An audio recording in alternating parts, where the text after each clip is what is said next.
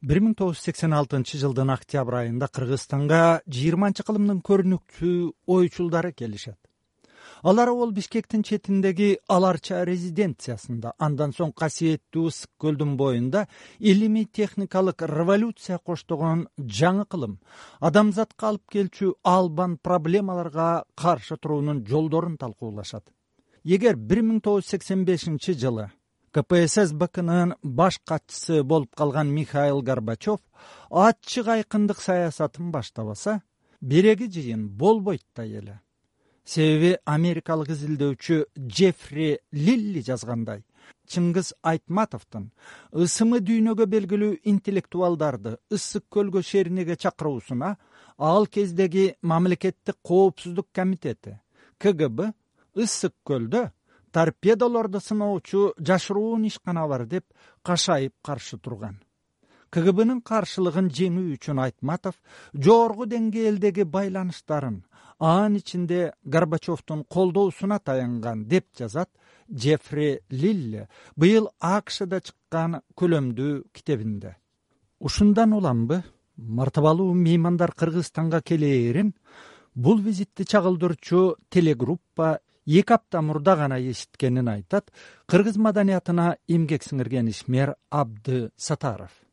Бир жолу мени жетекчилер чакырды дагы анан паспортумду алып келгиле деди. Эки жума мурда мага ошентип айтты что чыңгыз төрекович бир э, иш чара өткөрөт экен ошону чагылтырасың анан паспортуңду ала кел деди. Абды сатаров чет өлкөлүк мартабалуу меймандарды манас аэропортуна учуп келгенден баштап кайра кетишкенче жандап жүргөн жападан жалгыз кыргыз журналисти болгон. Анын айтымында конок ээси аэропортко бир аз саалгып келгенге байланыштуу сыйлуу коноктор түшкөн самолетту абада бир аз кармоого туура келген экен. Биздин ошол кездеги республиканын жетекчилери эле кандай иш чара экени жөнүндө кабары жок экен.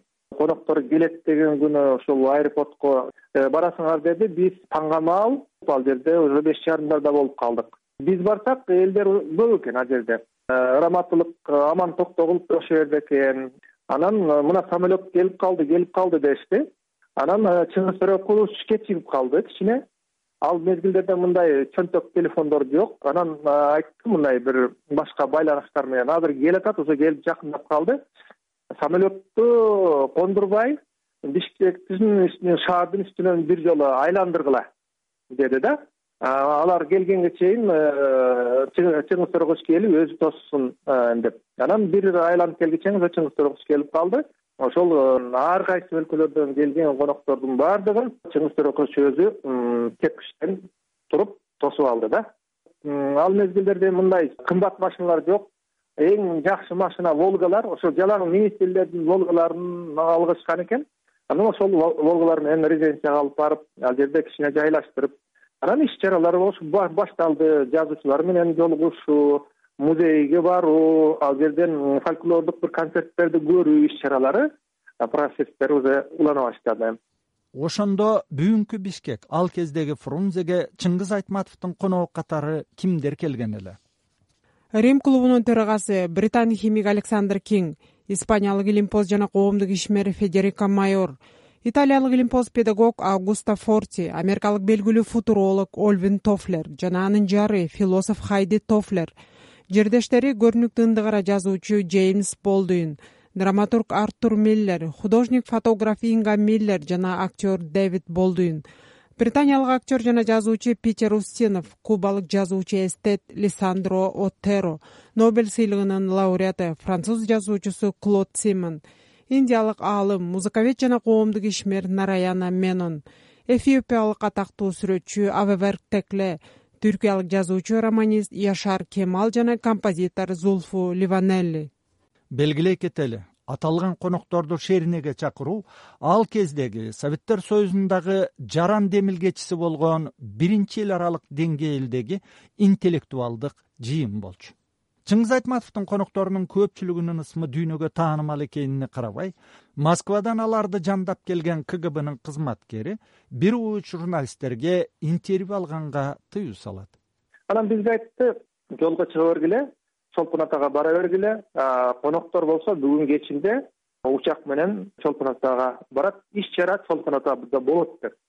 Биз анан кеттик ал жерден бардык. Биз да жайланыштык резиденцияда ал жерден бир коштоп жүргөн бир ошо органдын кызматкери окшойт москвадан. Айтты бир дагы журналист. Биз э, москвадан э, бир он беш чакты журналист келди. Кыргызстандан жалгыз мен болуп калдым ичинде. Эч кимиңер интервью да албайсыңар коноктордун тынчын албайсыңар бүгүн алар эс алат эгерде бирөөңөр жакындап интервью ала турган болсоңор анда э, артыңарга кайтарабыз деди. Бирок да журналисттер александр кингтен котормочунун жардамы менен интервью алышат. Биз ага караган жокпуз. Александр кинг бул рим клубунун президенти. Ошонун жашаган э, баягы жерин таап анан ал жердеги балдар менен сүйлөшүп ачтырып камераларды коюп анан биз күтүп турдук. Э, бир убактарда келди. Баягы светтерди жандырганда эле э, отургучтарды көргөндө эле ал киши түшүндү биз интервьюга ала турганыбызды анан котормочусу аркылуу биз бир эки суроолорду камдап койгонбуз бердик. Бизге жооп берди. Бир он беш мүнөтга жакын ал киши биздин э, суроолорубузга э, жооп берди. Деди абдысатаров дүйнө интеллектуалдарынын бир миң тогуз жүз сексен алтынчы жылы ысык көлдө болгон шернесине арналган берүүнү угуп жатасыздар. Ысык көлдөгү шернеге ал кездеги кыргыз советтик социалисттик республикасынан бир гана телекабарчы барып партиянын көзөмөлү астындагы советтик кыргызстан советская киргизия ленинчил жаш комсомолец киргизия кыргызстан маданияты сыяктуу көп нускалуу гезиттерден корреспонденттер барган эмес эмне үчүн? Бул суроого ошол кезде кыргызстан маданияты жумалыгында иштеген абибилла базыловдун оюн эсители ошол учурдагы э, шарт менен э, ошол учурдагы чет өлкөлүк э, жарандар менен биздин жарандардын ортосундагы же болбосо чет өлкөлүк жазуучулар менен башка окумуштуулар менен биздин жазуучулар жана окумуштуулардын мындай бир байланышып түздөн түз сүйлөшүп кетүүсүн мындай каалабаган саясаттын деги эле мындай бир ошол убактагы чектөөлөрдүн кесепетинен ушундай болду го деп ойлойм. Себеби эгер азыр андай болсо маалымат абдан кеңири тарамак. Э, алар маселен басма сөз конференциясын маселен ошол эле биздин фрунзеде өткөрмөк бир топ маектери чыкмак э, теледен э, үн алгыдан гезит журналдан бирок андай болгон эмес. Биз экинчи жагынан коноктордун дагы мындай убакыты тар болушу мүмкүн чолпон атадагы өкмөттүк резиденцияда өткөн дүйнөлүк интеллектуалдардын жыйынын шерине деп абал чыңгыз айтматов өзү форумдагы сөзүндө атаган дейт абдысатаров. Э, негизинен ал отурум мүнөзү боюнча абдан эркин болду. Анткени чыңгыз төрекович башында айтты эми менин э, чакырган жөн жайым бизде кыргыздарда баягыдан берки бир салт бар. Шерне деген. Бул шернеде ушул жакшы санаалаштар келип отуруп дасторкон үстүндө пикирлешип анан э, айрым бир маселелер жөнүндө ээн эркин баягы маек курушат. Ошон үчүн ушундай максатта силерди чакырдым.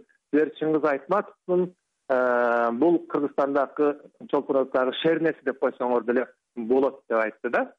Коноктор ысык көлдө бир түнөп бишкекке кайтып келишкен соң мурдакы өкмөт үйүндө чыгармачыл интеллигенциянын өкүлдөрү менен жолугушат жана сыйлуу меймандарга фрунзе шаарынын ардактуу жараны наамы берилет.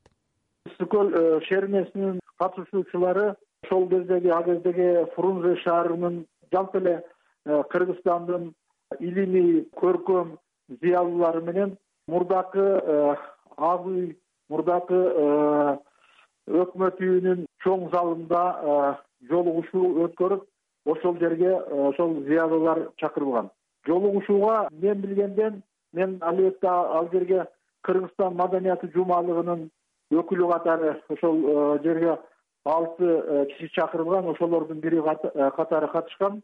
Менин э, байкашымда ошол зыялуулар менен жолугушууга ысык көл шернесинин катышуучулары толук курамында келген балким бир эки киши жок болгондур. Себеби кийин баягы сүрөттөн көргөн кишилердин баардыгын ошол жерден көргөнбүз. Жолугушууну албетте чыңгыз төрекович өзү ачкан. Андан кийин ошол кездеги фрунзе горисполкомунун төрагасы салават исхаков баардык ошол шергенин катышуучуларына чет өлкөдөн келген интеллектуал инсандарга фрунзе шаарынын ардактуу аты уулу деген наамды тапшырып ошол баягы тасмасын лентасын кийгизген да баарына анан ошолорду куттуктап мына сиздер келдиңиздер биздин ардактуу аты уулу болуп калдыңыздар деген өзүнүн каалоосун куттуктоолорун айткан. Ошол эле учурда бул көпкө созулган эмес жолугушуу э, бирок э, сыртка чыкканда чоң жазуучулар э, анын ичинде түгөлбай сыдыкбеков бар мына түркиядан келген ошол кезектеги яшар кемал. Кемаль менен сүрөткө түшүшкөн деди абибилла пазылов. Ысык көл шернесинин катышуучулары кыргызстандан москвага учуп барышкандан кийин жыйырманчы октябрда аларды кпсс бкнын баш катчысы михаил горбачев кабыл алат.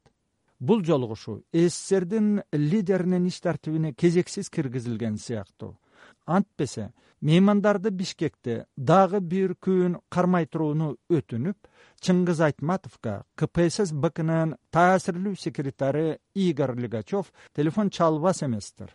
Э, узатуу салтанаты болду да. Чыңгыз төрекович ошол э, дасторконунан фаеге чыгып отуруп эс алып калды. Анткени анан келип отуруп калды. Анан мен ошондо жанында тургам бир убакта а кишини телефонго чакырып атат деп калышты. Телефон алыс эмес бизден жаныбызда эле турган экен. Көрсө москвадан лигачев чалган экен. Ал мезгилдерде ал идеология боюнча лорбутов комитетинин секретары эмес беле.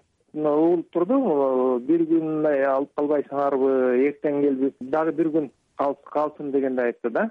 Анан э, михаил сергеевичтин ушундай иш чаралары болуп атат ушу бир күн калса жакшы болот эле дегендей айтты эле. Бирок чыңгыз айтты. э, конокторго биз фри тамагын бердик аларга кулактандырып койдук. Алардын баардыгы даяр самолет дагы даяр. Эртең саат он бирде москвага учабыз деди. Анан ал киши айтты окшойт. Э, тиги эртең деди да. Мисалы үчүн ошол күн э, саат бир он бирден өтүп калган мезгил болчу түнкү саат да. Дагы алар э, эртеси эле учмак да тиги киши айтты дагы бир күн алып калсаңар жакшы болот эле дегендей айтты да ошол анан эртеси саат он бирден анан э, самолетто барышып биз баардыгын узатып койдук учуп кетишти. Деди кыргыз маданиятына эмгек сиңирген ишмер абды сатаров